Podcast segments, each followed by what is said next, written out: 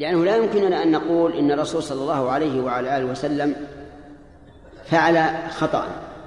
هو المشرع وفعله وقوله حجة فيحتج بقوله ولا يحتج لقوله لأن قوله حجة وفعله حجة. قالوا إذن الأصل أن المسافر متى نوى الإقامة وعدم الاستمرار السير فهو انقطع سفره. لكن أبحنا أربعة أيام لأن النبي صلى الله عليه وسلم أقام في مكة أربعة أيام قبل أن يخرج إلى إلى منى. أفهمتم؟ طيب. وقال بعض أهل العلم إذا نوى إقامة خمسة عشر يوم وجب عليه الإتمام. إذا نوى إقامة أكثر من خمسة عشر يوم وجب عليه الإتمام. وفي الخمسة عشر؟ لا. ينقطع ما, ما فوق خمسة عشر يوم وخمسة عشر فما دون لا ينقطع. واستدلوا ببعض ألفاظ حديث ابن, ابن عباس رضي الله عنهما أن النبي صلى الله عليه وعلى آله وسلم أقام في مكة عام الفتح خمسة عشر يوما يقصر الصلاة. وقالوا هذا أدنى ما روي وقال آخرون إذا نوى أكثر من تسعة عشر يوما أتم وإن نوى تسعة عشر يوما فأقل قصر. وهذا رأي ابن عباس رضي الله عنهما واستدل بأن النبي صلى الله عليه وعلى آله وسلم أقام في مكة عام الفتح تسعة عشر يوما يقصر الصلاة. المهم أن النووي رحمه الله في شرح المهذب ذكر فيها أكثر من عشرين قولا. نحن إذا رأينا هذه الأقوال المتضاربة وأنه ليس لواحد منها دليل واضح يطمئن إليه القلب ويستقر به الحكم رجعنا إلى الأصل وهو أن أن المسافر مسافر ما لم ينو استيطانا أو إقامة مطلقة. انتبه. المسافر مسافر له حكم السفر ما لم ينوي إيش؟ استيطانا أو إقامة مطلقة. استيطانا بمعنى أنه انتقل من بلده إلى بلد إلى هذا البلد مستوطنا. قد طلق بلد بلده بالطلاق الثلاث. أو إقامة مطلقة ارتحل من بلده ونوى الإقامة المطلقة في هذا البلد. لكن ما نوى الاستيطان؟ لأنه يقول متى سنحت الفرصة رجعت إلى بلدي أو غيره فهذا أيضا ينقطع سفره لأنه قطع السفر حقيقة قطع السفر. أما إذا قطع السفر بشيء محدد سواء كان شغل أو أياما فإنه لا ينقطع سفره كيف سواء كان لشغل يعني سواء كان لشغل إنسان تاجر تاجر نزل في هذا البلد لبيع سلعه سلعه أو شراء سلع يتجر بها وهو لا يدري هل يبيع في يومين أو ثلاثة أو شهر أو شهرين أو سنة أو سنتين. فهذا مسافر ولا غير مسافر؟ مسافر. أو أو لعمل محدد بزمن. أتى إلى إلى إلى بلد إلى هذا البلد ليحضر دورة تستمر ثلاثة أشهر. فهذا مسافر يقصر. كيف يقصر؟ نعم يقصر لأنه لأنه لم يقطع سفره حتى الآن. يقول أنا لو كانت الدورة يوما واحدا كفاني ورجعت. لكن الدورة ثلاثة أشهر. أعرف ذلك؟ نقول إذن أنت لم تقطع السفر وإنما أقمت لحاجة محددة بزمن. انتبه يا أخي. عندنا الآن الإقامة المحددة إما أن تكون بعمل وإما أن تكون بزمن. بعمل مثل كتاجر يشتري أو يبيع وكمريض جاء للمستشفى لا يدري متى يبرأ. هذا يجوز أن يقصر لو بقي ألف سنة. وهذا هو المذهب مذهب الحنابلة وحكاه بعضهم إجماعا. أنه ما دام سفر مقيدا بالحاجة فله أن يقصر حتى يرجع إلى بلده المقيد بزمن محدد عنده انتداب لمدة شهر. أو عنده دورة لمدة شهر. يعرف أنه محدد بالزمن. هذا محل خلاف. بين العلماء كما سمعتم. والحقيقة أنه ينبغي أن لا يكون فيه نزاع. لماذا؟ لأن هذا كالأول. الأول حدد السفر. قولوا. بعمل أو حاجة. والثاني حددها بزمن. كل منهما لم ينوي قطع السفر. مستمر بنية السفر. لكن هذا حدد بزمن وهذا حدد بعمل. وأي فرق؟ لا فرق. ثم نقول سبحان الله. إنسان نوى أن يقيم أربعة أيام وإنسان نوى أن يقيم أربعة أيام وعشر دقائق. الأول يقصر مسافر والثاني غير مسافر مع أن الفرق عشر دقائق كيف يكون هذا؟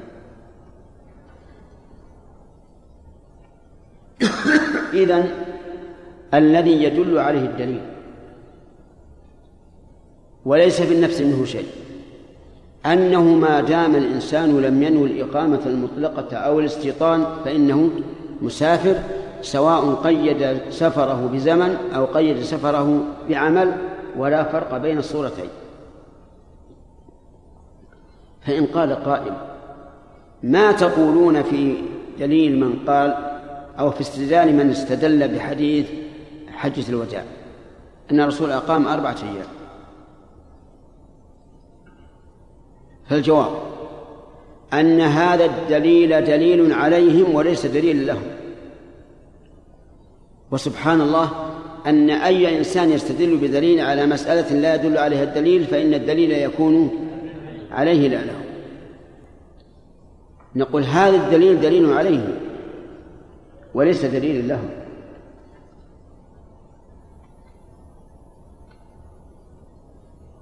كيف ذلك؟ كيف يكون دليلا عليهم؟ لأن قدوم النبي صلى الله عليه وعلى آله وسلم إلى مكة في, في اليوم الرابع من ذي الحجة. هل وقع قصدا أو اتفاقا؟ بمعنى هل صادف أنه يوم وصول يوم الرابع؟ أو هو قصد أن يصل اليوم الرابع حتى يقصر ولو قدم اليوم الثالث لم يقصر؟ عجيب. لا نشك لا نشك أنه اتفاقا. وأن الرسول صلى الله عليه وسلم لم يقصد. وما وقع اتفاقا فليس بسنة. لأنه مصادفة. ثم نقول هل النبي صلى الله عليه وعلى آله وسلم يعلم أن من الناس من يقدم إلى مكة في الحج قبل اليوم الرابع؟ يا جماعة. تقولون نعم حيث أني اريد أريد ذلك؟ هذا الواقع. الحج أشهر معلومات تبدأ من واحد من شوال. كل هذه المدة يجوز أن يقدم الحجاج فيها للحج. ونحن نعلم علم اليقين أن من الناس من يقدم قبل اليوم الرابع. يمكن أكثر الحجاج يقدمون قبل اليوم الرابع. هل قال النبي صلى الله عليه وسلم وهو الذي بلغ البلاغ المبين ولم يترك الأمة في شك؟ هل قال من قدم قبل اليوم الرابع فعليه الإتمام ما قالها مع أن المسألة ما هي هينة. مسألة الصلاة. آكد أركان الإسلام بعد الشهادتين. لم يقل لأحد من الناس يا أيها الناس من قدم منكم اليوم الثالث من ذي الحجة وهو يريد الحج فعليه الإتمام. مع أن هذا لو كان هو الواجب. لبلغه النبي صلى الله عليه وعلى آله وسلم نعلم هذا علم اليقين. فلما لم يقل علمنا أن الأمر واسع. أفهمتم يا جماعة؟ صار هذا الدليل دليلا عليهم وليس لهم. ثم نقول لهم الرسول عليه الصلاة والسلام أقام بمكة عشرة أيام. ما هو أربعة أيام؟ أقام بمكة عشرة أيام. بدليل قول خادمه أنس بن مالك رضي الله عنه حين سئل كم أقمتم بمكة عام حجة الوداع؟ قال أقمنا بها عشرا. أقمنا بها عشرا. وهو صحابي مصاحب للرسول صلى الله عليه وسلم. أقاموا بها عشرا لأنهم قدموا في اليوم الرابع وغادروا في اليوم الرابع عشر. هكذا وقع. قال أقمنا بها عشر.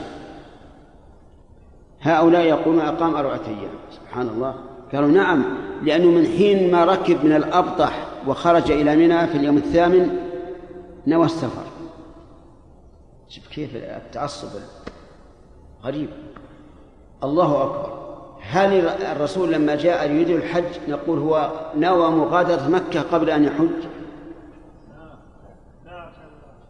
عجيب يا جماعة. سبحان الله يعني لو أن أحدا صبيا قال هذا القول ما, ما قبلنا منه. أن نقول الرسول نوى المغادرة مغادرة مكة قبل أن يقضي ما أراد ما, ما, ما, ما جاء من أجله. هذا بعيد بقى. لكن كما أقول لكم اللهم اعف عنا وعن علمائنا. الإنسان إذا اعتقد شيئا حاول أن يلوي أعناق النصوص إليه. غصب. ولا شك أن أن أنس أعلم منهم بحال الرسول عليه الصلاة والسلام الذي قال أقمنا بها عشرا والحديث في البخاري أفهمتم يا جماعة؟ ثم نقول إن النبي صلى الله عليه وعلى آله وسلم أقام في مكة عام حجة الوداع عشرا. ولا نقول أربعة أيام كما قال الفقهاء وأنس يقول عشر. أبدا ما نقول هذا. وأقام في تبوك كم؟ عشرين يوما يقصر الصلاة. وأقام في مكة تسعة عشر يوما عام الفتح يقصر الصلاة. أقام إقامات مختلفة في, في الوقت ومع ذلك كان يقصر الصلاة. مما يدل على أنه لا تحديد. وليس لنا أن نضيق ما وسع الله. تضييق ما وسع الله أعظم من من من توسيع ما ما ضيق الله. لأن الدين إيش؟ يسر. روح الدين الإسلامي هو اليسر والتوسع على العباد. فلا يحل لأحد أن يحجر على الناس ما وسع الله عليه. فإن قال قائل قولوا إن مدة الإقامة أربعة أيام من باب الاحتياط.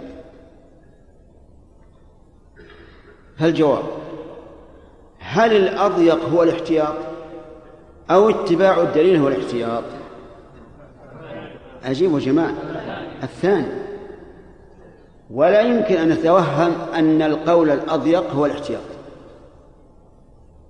نعم إذا تكافأت الأدلة ربما نقول القول الأضيق أحوط.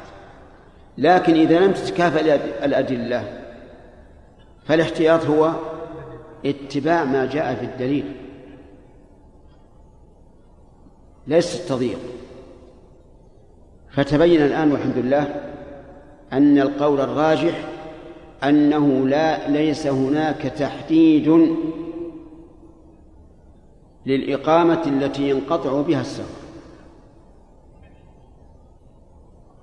ثم انظروا بارك الله فيكم. هذا هذا الرجل الذي نوى أن يقيم عشرة أيام في هذا البلد وقلنا أتم الصلاة. انقطع سفر لو أراد أن يكون إماما في الجمعة وهو من أعلم الناس وأقرأ الناس وأفهم الناس يصح أن يكون إماما؟ يقول الفقهاء إنه لا يصح أن يكون إماما. لأنه مسافر. سبحان الله تناقض. كيف تقولون إنه مسافر؟ لا يصلح أن يكون إماما في الجمعة ولا يحسب من من العدد الواجب. وتقولون إنه إنه غير مسافر في وجوب الإتمام. وهل هذا إلا تناقض واضح؟ وإني أقول لكم الغالب أن الأقوال الضعيفة تجدها متناقضة لأن الله يقول ولو كان من عند غير الله لوجدوا فيه اختلافا كثيرا. فالحمد لله الأمر واضح لمن تأمله وهو خالي الذهن من التقليد. أما من تأمل الأدلة وهو مملوء الذهن من التقليد فأحسب أنه يصعب عليه الرجوع عما كان مقلدا له. وهذا الذي ذكرته اختيار الشيخ الإسلام ابن تيمية رحمه الله وابن القيم رحمه الله وشيخنا عبد الرحمن بن سعدي رحمه الله أنه ليس هناك دليل يحدد المدة التي ينقطع بها السفر. نعم. أي ما خالف هذه مسألة مهمة دي. هذه لا ينقطع وقتين أو ثلاثة. لكن الآن بناء على اقتراحك نؤجل الكلام على حديث ابن عمر في الدرس القادم إن شاء الله. نعم.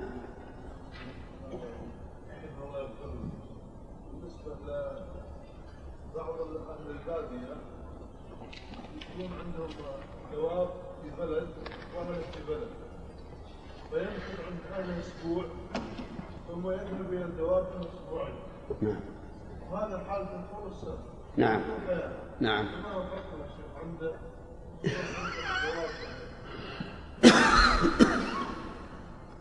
هذا نسأل. أين سكناك؟ عند أولاده. طيب. أما أما وهو, وهو سارح مع مع الإبل؟ فهو مسافر. لأن بني لأن قلبه معلق ببلده. وهو يعرف أنه إنما خرج للإبل لإصلاحها والاطلاع عليها فقط. نعم. نعم.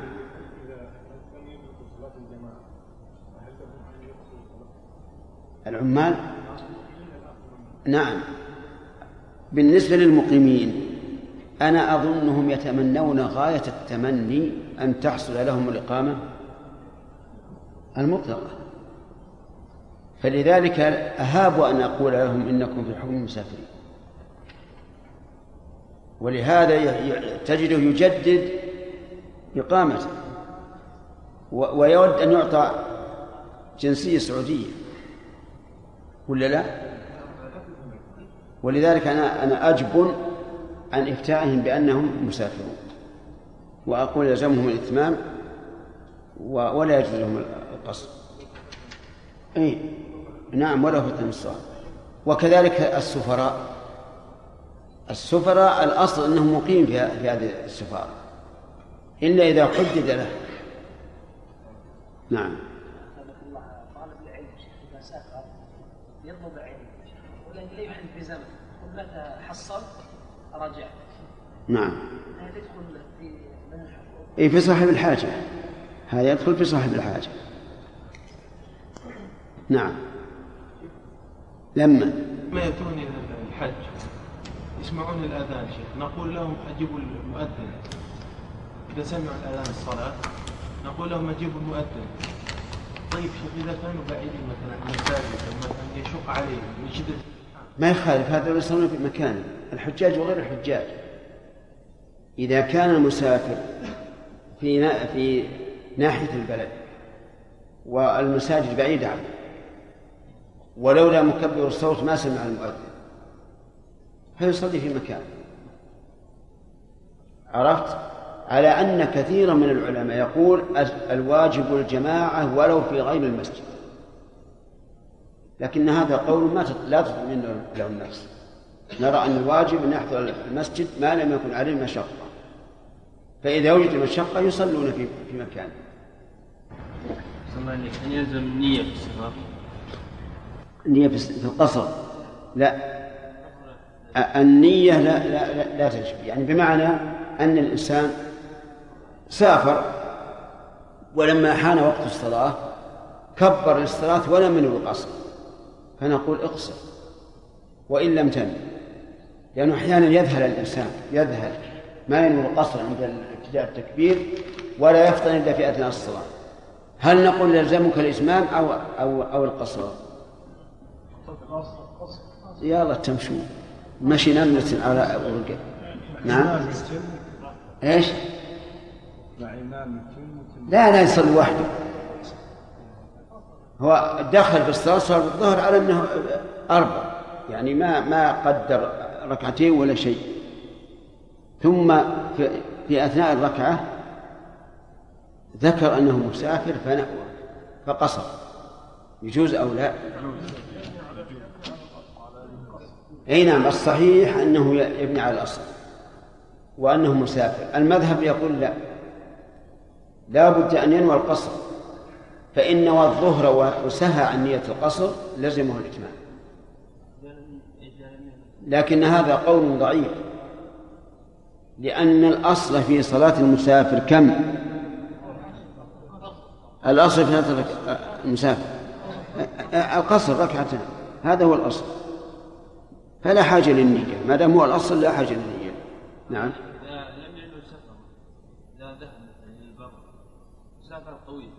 نعم. ما يحتاج نية. السفر هذا يتقيد بالواقع. الواقع مسافر. انتهى الوقت؟ طيب. خلينا نشوف الأوراق هذه وش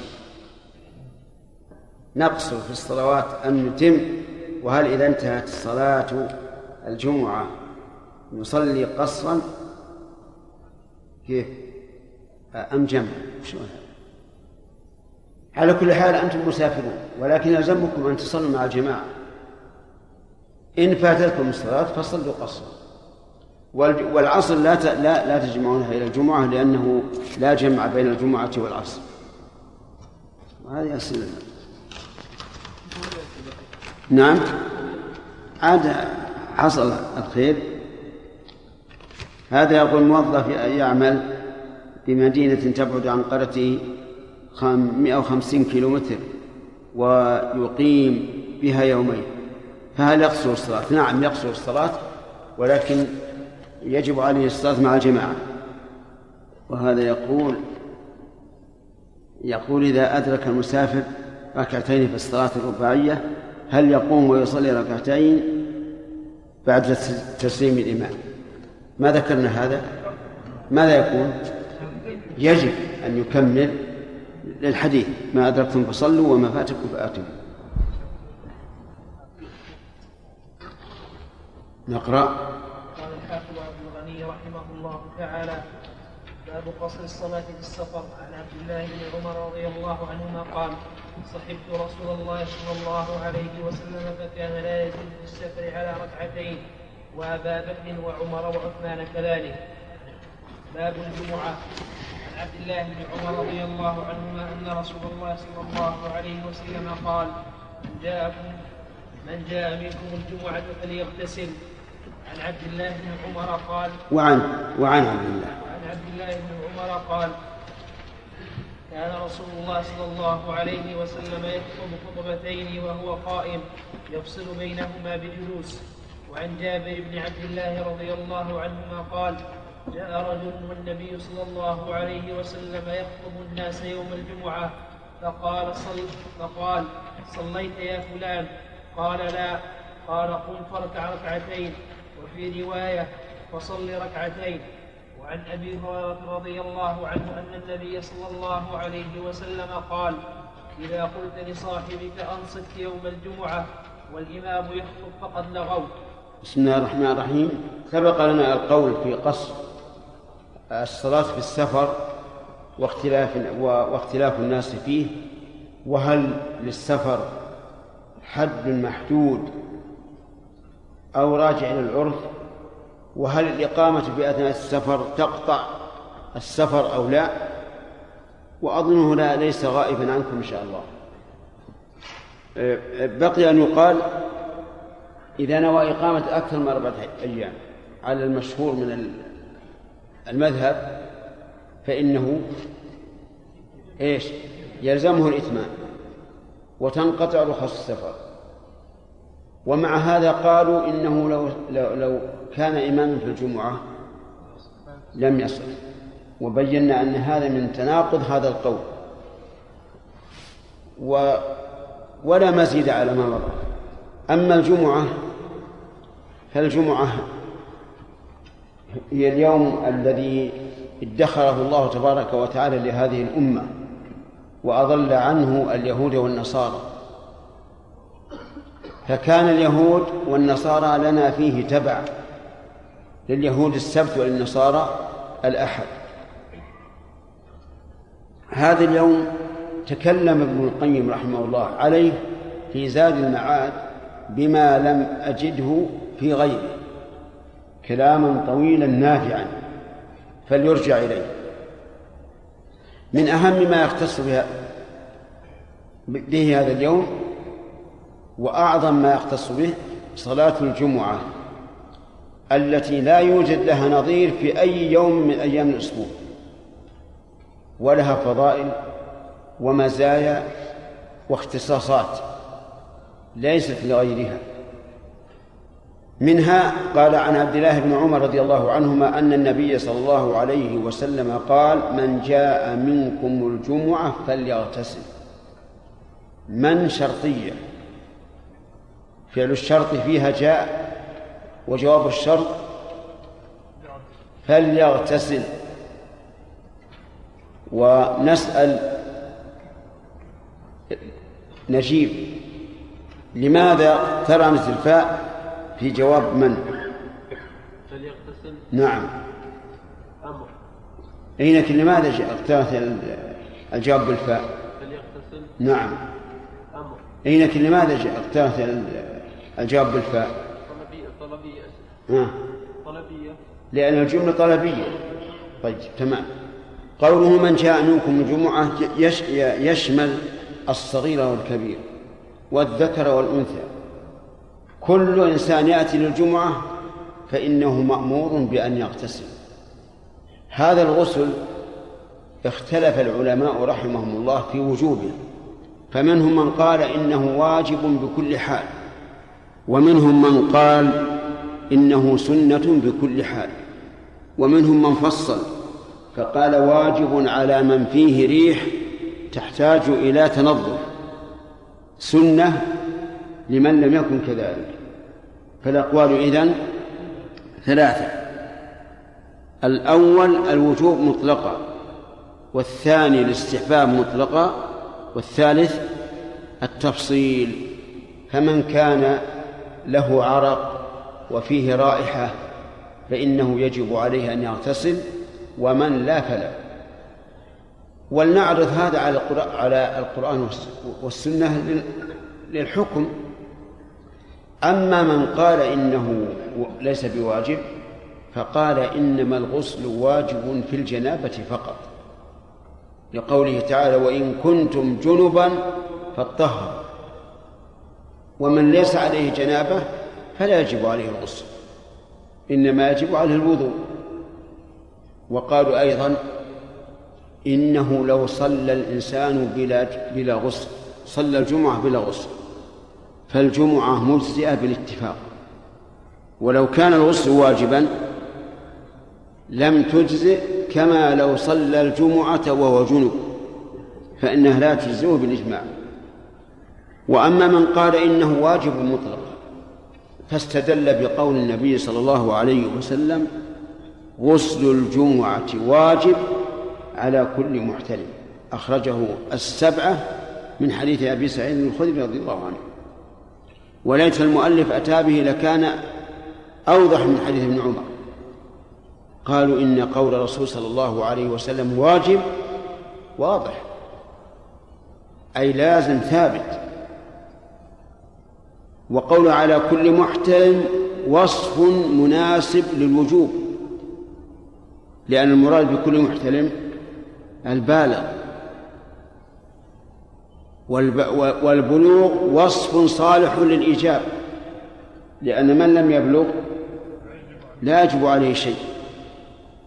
فلما قال واجب وعلقه بما يفيد التكليف علمنا بأن الوجوب وجوب تكليفي. وإني لأعلم أن هذه العبارة لو جاءت في متن من متون الفقه ما شك قارئه إلا أن المؤلف يرى إيش؟ وجوب الغسل. هذا وهو دون النبي صلى الله عليه وسلم بمراحل لا تحصى.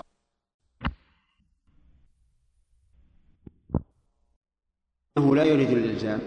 من قاله فإن قال الدليل على هذا العرف وأن قول الناس بعضهم لبعض حقك واجب علي يعني متأكد نقول إذن العرف صرف الوجوب إلى التأكد. لكن أين الدليل على صرف كلام النبي صلى الله عليه وسلم عن عن الوجوب إلى الاستحباب؟ في قوله غسل الجمعة واجب. لا دليل. لا دليل أبدا. هذا يقول ابن القيم وجوب الغسل للجمعة أقوى من وجوب الوضوء بمس الذكر. ومس المرأة وما أشبه ذلك لأنه صريح. طيب الذين قالوا بالتفصيل ومنهم شيخ الإسلام ابن تيمية قالوا إن الحديث إذا جاء أحدكم الجمعة فليغتسل إن له سببا أن الناس يأتون من من طواحي المدينة فيعرقون قبل أن يصلوا إلى المسجد وإذا دخل المسجد والعرق فايح صار رائحة كريهة. فأمر هؤلاء أن يغتسلوا جوابنا على هذا سهل أن نقول العبرة بإيه؟ بعموم اللفظ لا بخصوص السبب. ثم إن تقييد هذا بكون الإنسان رائحته منتنة أو غير منتنة لا لا انضباط له. الإنسان إذا كان فيه رائحة كريهة كالبخر لا يحس بها. أليس كذلك؟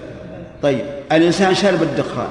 هل يحس بنتن ريحه؟ لا. فهي لا تنضبط في الواقع في الواقع. فالقول الراجح أنه أن غسل الجمعة واجب. ولكن هل يجب على كل الناس أو على من أراد أن أن يحضر؟ الجواب على من أراد أن يحضر. لقوله من من جاء منكم الجمعة. كان أمير المؤمنين عمر بن الخطاب رضي الله عنه يخطب يوم الجمعة فدخل عثمان. دخل عثمان فجعل عمر يعرض في خطبته للذي يتأخر إلى أن يحضر الإمام. فقال عثمان والله يا أمير المؤمنين ما زدت على أن توضأت ثم أتيت. يعني ما زدت على الوضوء ثم أتيت. كأنه انشغل ثم توضأ وأتى. فقال له عمر والناس يسمعون في وسط المسجد والوضوء أيضا. وقد علمت أن النبي وقد قال النبي صلى الله عليه وآله وعلى آله وسلم إذا أتى أحدكم الجمعة فليغتسل. فتأمل خليفة يوبخ خليفة جاء من بعده. يعني أن عثمان له مركزه وله قيمته في المجتمع ومع ذلك يوبخه أمام الناس أن اقتصر على على إيش؟ على الوضوء. وهل بعد هذا يأتي إنسان ويقول الغسل مستحب؟ لا يمكن.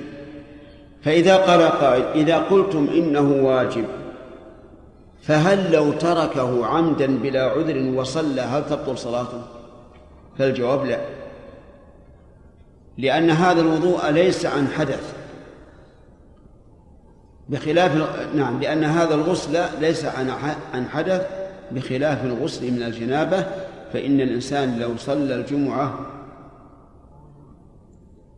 وعليه جنابة فإن صلاته لا تصح لأن الغسل عن عن حدث. طيب. لو قال قائل لو نوى بهذا الغسل الوضوء هل يكفي عن الوضوء أو لا؟ فالجواب لا لا يكفي. لأن هذا الوضوء ليس عن حدث. نعم لأن هذا الغسل ليس عن حدث والوضوء عن عن عن حدث. أما لو كان الغسل عن جنابة لقلنا يكفيه عن الوضوء. لكن إذا كان الغسل ليس عن جنابة ولكن من أجل تعظيم صلاة الجمعة فإنه لا يكفيه عن الوضوء بل لا بد من الوضوء. واضح يا جماعة هذا ما نراه في هذا المسألة والإنسان الورع الخائف لا يمكن أن يدع الغسل يوم الجمعة فإذا قال قائل الرجل نائم ثم استيقظ والإمام في آخر الخطبة فإن بقي أغتسل فاتته الجمعة وإن ذهب إلى الجمعة ذهب بلا بلا غسل فما الجواب؟ نقول الجواب أن نفعل كما فعل عثمان.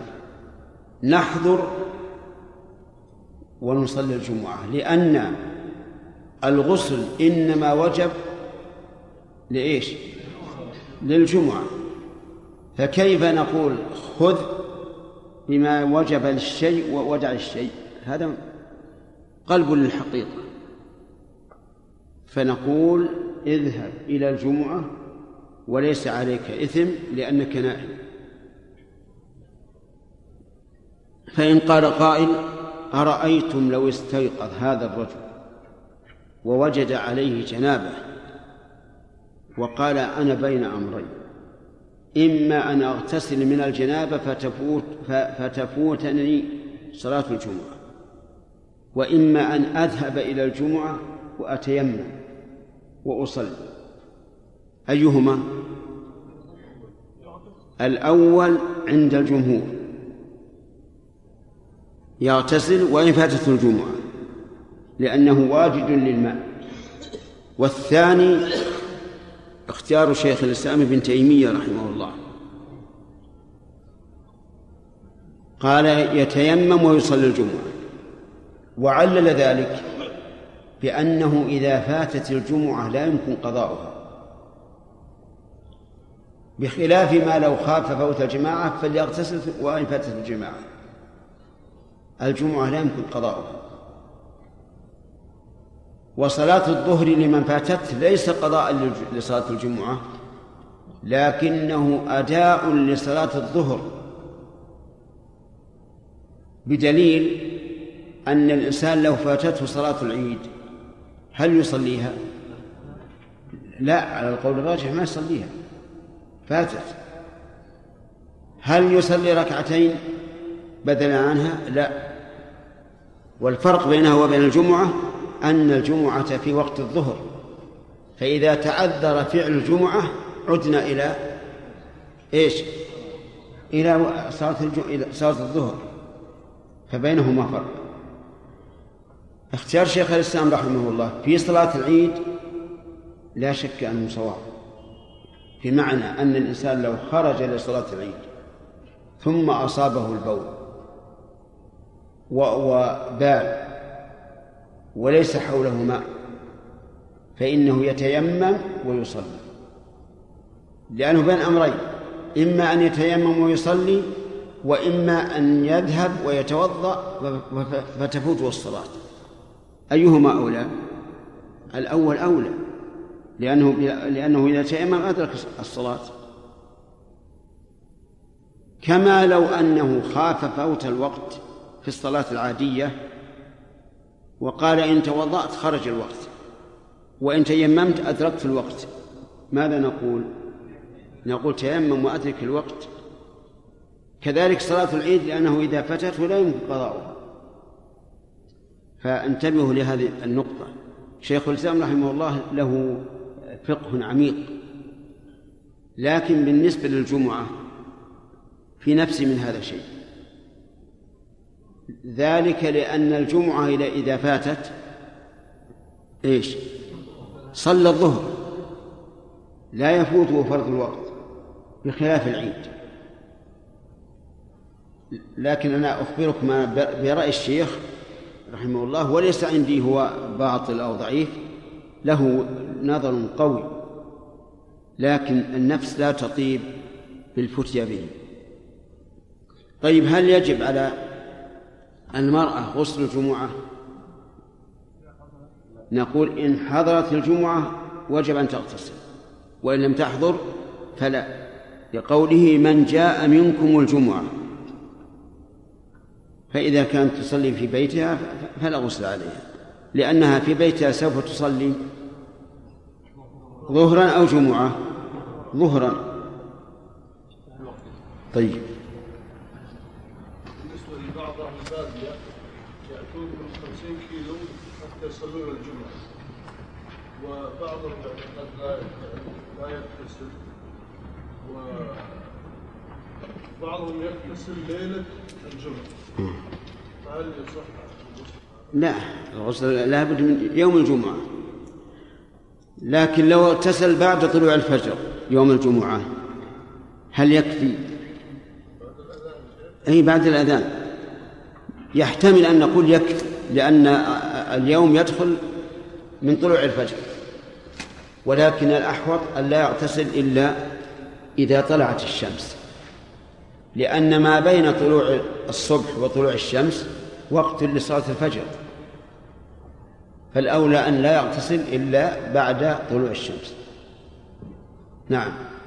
بارك الله فيكم. هذا إيش فيه؟ لا يجوز إذا شاءوا جاءوا. لا الوجوب ما يجب عليه. ما يجب إلا على من سمع النداء فقط. بارك الله فيكم. غسل الجمعة. هل لابد أن يكون بالماء القراح إيه- إيش؟ بالماء القراح نعم. أو لا بأس أن يستعمل الصابون يعني كالغسل العادي. لا بأس. غسل الجنابة تستعمل الصابون يا. بالماء القراح اي بدون بدون صابون. اي هذا أيضا يجوز بالماء القراح إلا إذا كان الجلد مثلا في أيام الصيف القيض يعني الحر الجلد يكثر فيه العرق. فإذا كان لا بد من استعمال الصابون استعمل أنا شباب أحيانا بعض الشباب يغتسلون بالصابون بعدما انتهوا من هذا الغسل ثم يغتسلون مرة أخرى يقولون غسل غسل الجنابة بعد. كيف؟ ما وجه هذا؟ هو لا بأس. لكن مو لازم.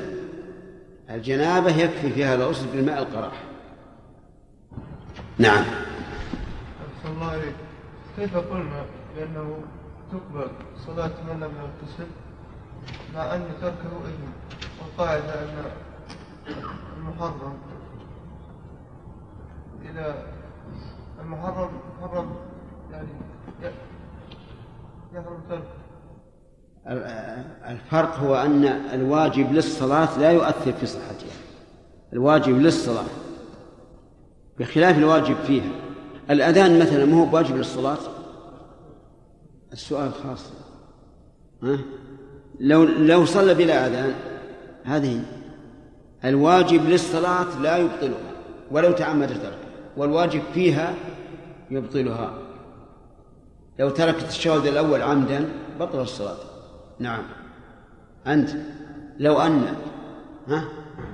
مسافر صلاة الجمعة لكن يصليها ظهرا هل هل يقصر الظهر أم اي نعم مقصود يعني لو أن المسافر حضر إلى الجمعة ففاتت ففاتت فإنه يصلي ظهرا مقصورا. نعم. كل واحد على الطريقة أو أو ماكث في البلد يوم ويومين. نعم. أحسن الله عليكم ما هي ما هي سنة الجمعة بعد بعدها السنة بعد صلاة الجمعة. قبلها ليس لها سنة راتبه صل ما شئت. من يوم تجي إلى أن يأتي وقت. آه، وقت النهي. لكن بعدها كان النبي صلى الله عليه وعلى آله وسلم يصلي ركعتين بعد الجمعة في بيته. فهمت؟ نعم وأمر من صلى الجمعة أن يصلي بعدها أربعا فقال إذا صلى أحدكم الجمعة فليصلي بعدها أربعا فهنا تعارض قول الرسول وفعل الرسول. قوله قل. إذا صلى أحدكم الجمعة فليصلي بعدها أربعا هذا قول. فعله الثابت من حديث ابن عمر أنه كان يصلي ركعتين بعد الجمعة في بيته. كذا ولا لا؟ طيب. أيهما نقدم؟ قال بعض أهل العلم نقدم القول فنقول السنة بعد الجمعة أربع وقال آخرون نجمع بين القول والفعل فيصلي ستا. أربعا من قوله وركعتان من فعله. وهذا قول القول الثاني الثالث إن صلى في بيته فركعتان. لأنه لا ينبغي أن يزيد على ما فعل الرسول عليه الصلاة والسلام. وإن صلى في المسجد الراتبة صلى أربعا. وهذا اختيار شيخ الإسلام ابن تيمية رحمه الله. والذي أختاره أن يصلي أربعا. سواء صلى في بيته أو في المسجد. لأن النبي صلى الله عليه وعلى آله وسلم أمر قال إذا صلى أحدكم الجمعة فليصلي بعدها أربعا وكونه يصلي ركعتين ما ما ندري. نحن مكلفون بما قال ومأمورون بالتأسي فيه بما فعل به بما فعل. لكن ما دام ما دام عندنا قول قارئ قال الحافظ عبد الغني رحمه الله تعالى في كتابه العمدة باب الجمعة عن عبد الله بن عمر رضي الله عنهما أن رسول الله صلى الله عليه وسلم قال من جاء منكم الجمعة فليغتسل. وعن عبد الله بن عمر قدم نعم. وعن عبد الله بن عمر قال كان رسول الله صلى الله عليه وسلم يخطب خطبتين وهو قائم يفصل بينهما بجلوس. وعن جابر بن عبد الله رضي الله عنهما قال جاء رجل والنبي صلى الله عليه وسلم يخطب الناس يوم الجمعة فقال صليت يا فلان. قال لا. قال قم فاركع ركعتين وفي رواية فصل ركعتين. وعن أبي هريرة رضي الله عنه أن النبي صلى الله عليه وسلم قال إذا قلت لصاحبك أنصت يوم الجمعة والإمام يخطب فقد لغوا بسم الله الرحمن الرحيم. الحمد لله رب العالمين. وصلى الله وسلم على نبينا محمد وعلى آله وأصحابه ومن تبعهم بإحسان إلى يوم الدين. أما بعد فقد سبق لنا الكلام على قصد الصلاة في السفر. والسؤال هل السفر الذي تقصر فيه الصلاة محدود بمسافة أو بعرف. طيب. أيهما أسعد بالدليل؟ الذين يقولون بالعرف. وجه ذلك أن هذا جاء مطلقا في الكتاب والسنة فوجب إبقاؤه على إطلاقه طيب. ما ما الفائدة من ذكر أبي بكر وعمر وعثمان في أنهما في أنهم كانوا يقصرون الصلاة. نعم. يعني ألا يكتفى بذكر سنة الرسول صلى الله عليه وسلم؟ وعثمان. نعم. الفائدة بيان أنه لم ينسخ.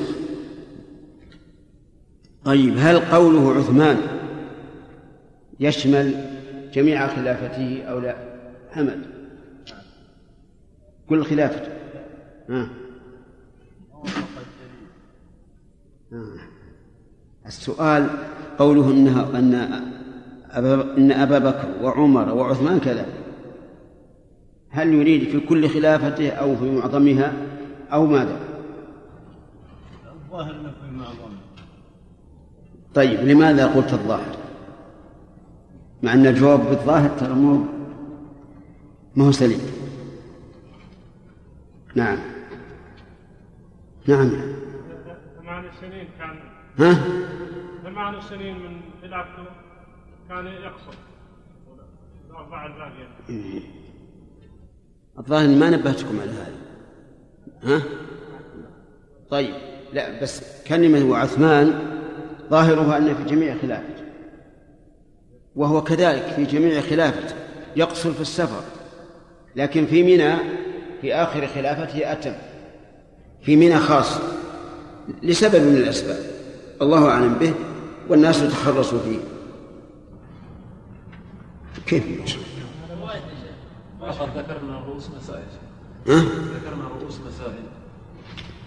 سيد. يعني المباحث. المباحث هل هل القصر محدود؟ طيب. هنا يعني هو الحديث ما شرح؟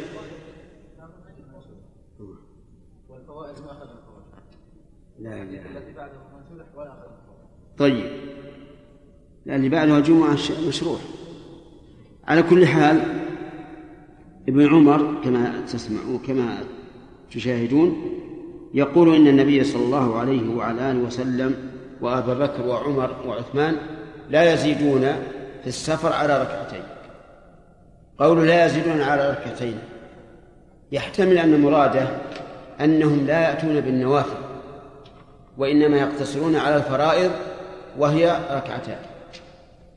ويحتمل أن مراده لا يزيدون على ركعتين يعني الإتمام أنهم لا يتمون. والثاني أقرب لأن النبي صلى الله عليه وعلى آله وسلم كان يتطوع على راحلته في السفر ويصلي الوتر أيضا. فيكون معنى على لا يزيدون على ركعتين يعني لا يتمون الصلاة. عبد الرحمن تأخ- تأخر شيء ما تقدم على الأخوان فمن فوائد هذا الحديث الاستدلال بأفعال النبي صلى الله عليه وعلى آله وسلم وأفعال الخلفاء الراشدين. وذلك لأن الاستدلال بالأقوال أمر معلوم. وكذلك أفعال النبي صلى الله عليه وعلى آله وسلم. ولكن هل الفعل المجرد يدل على الوجوب؟ الصواب لا.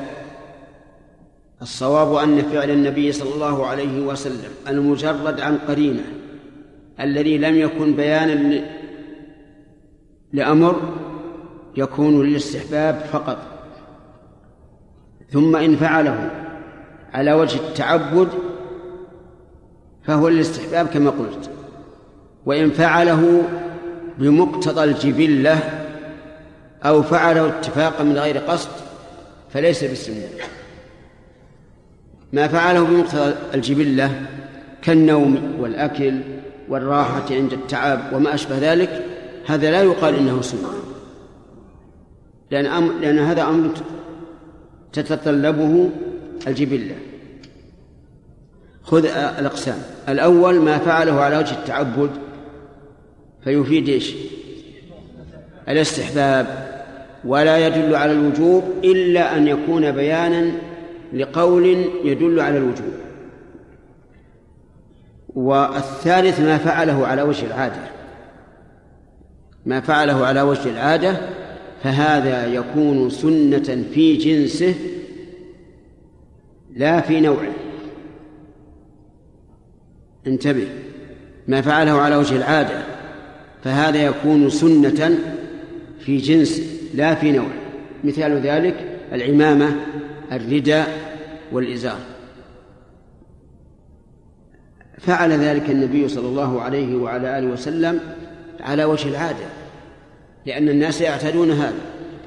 ولم يرد عنه صلى الله عليه وعلى آله وسلم أنه أمر أن يلبس الإنسان في غير الإحرام الإزار والرداء أو أن يعتم.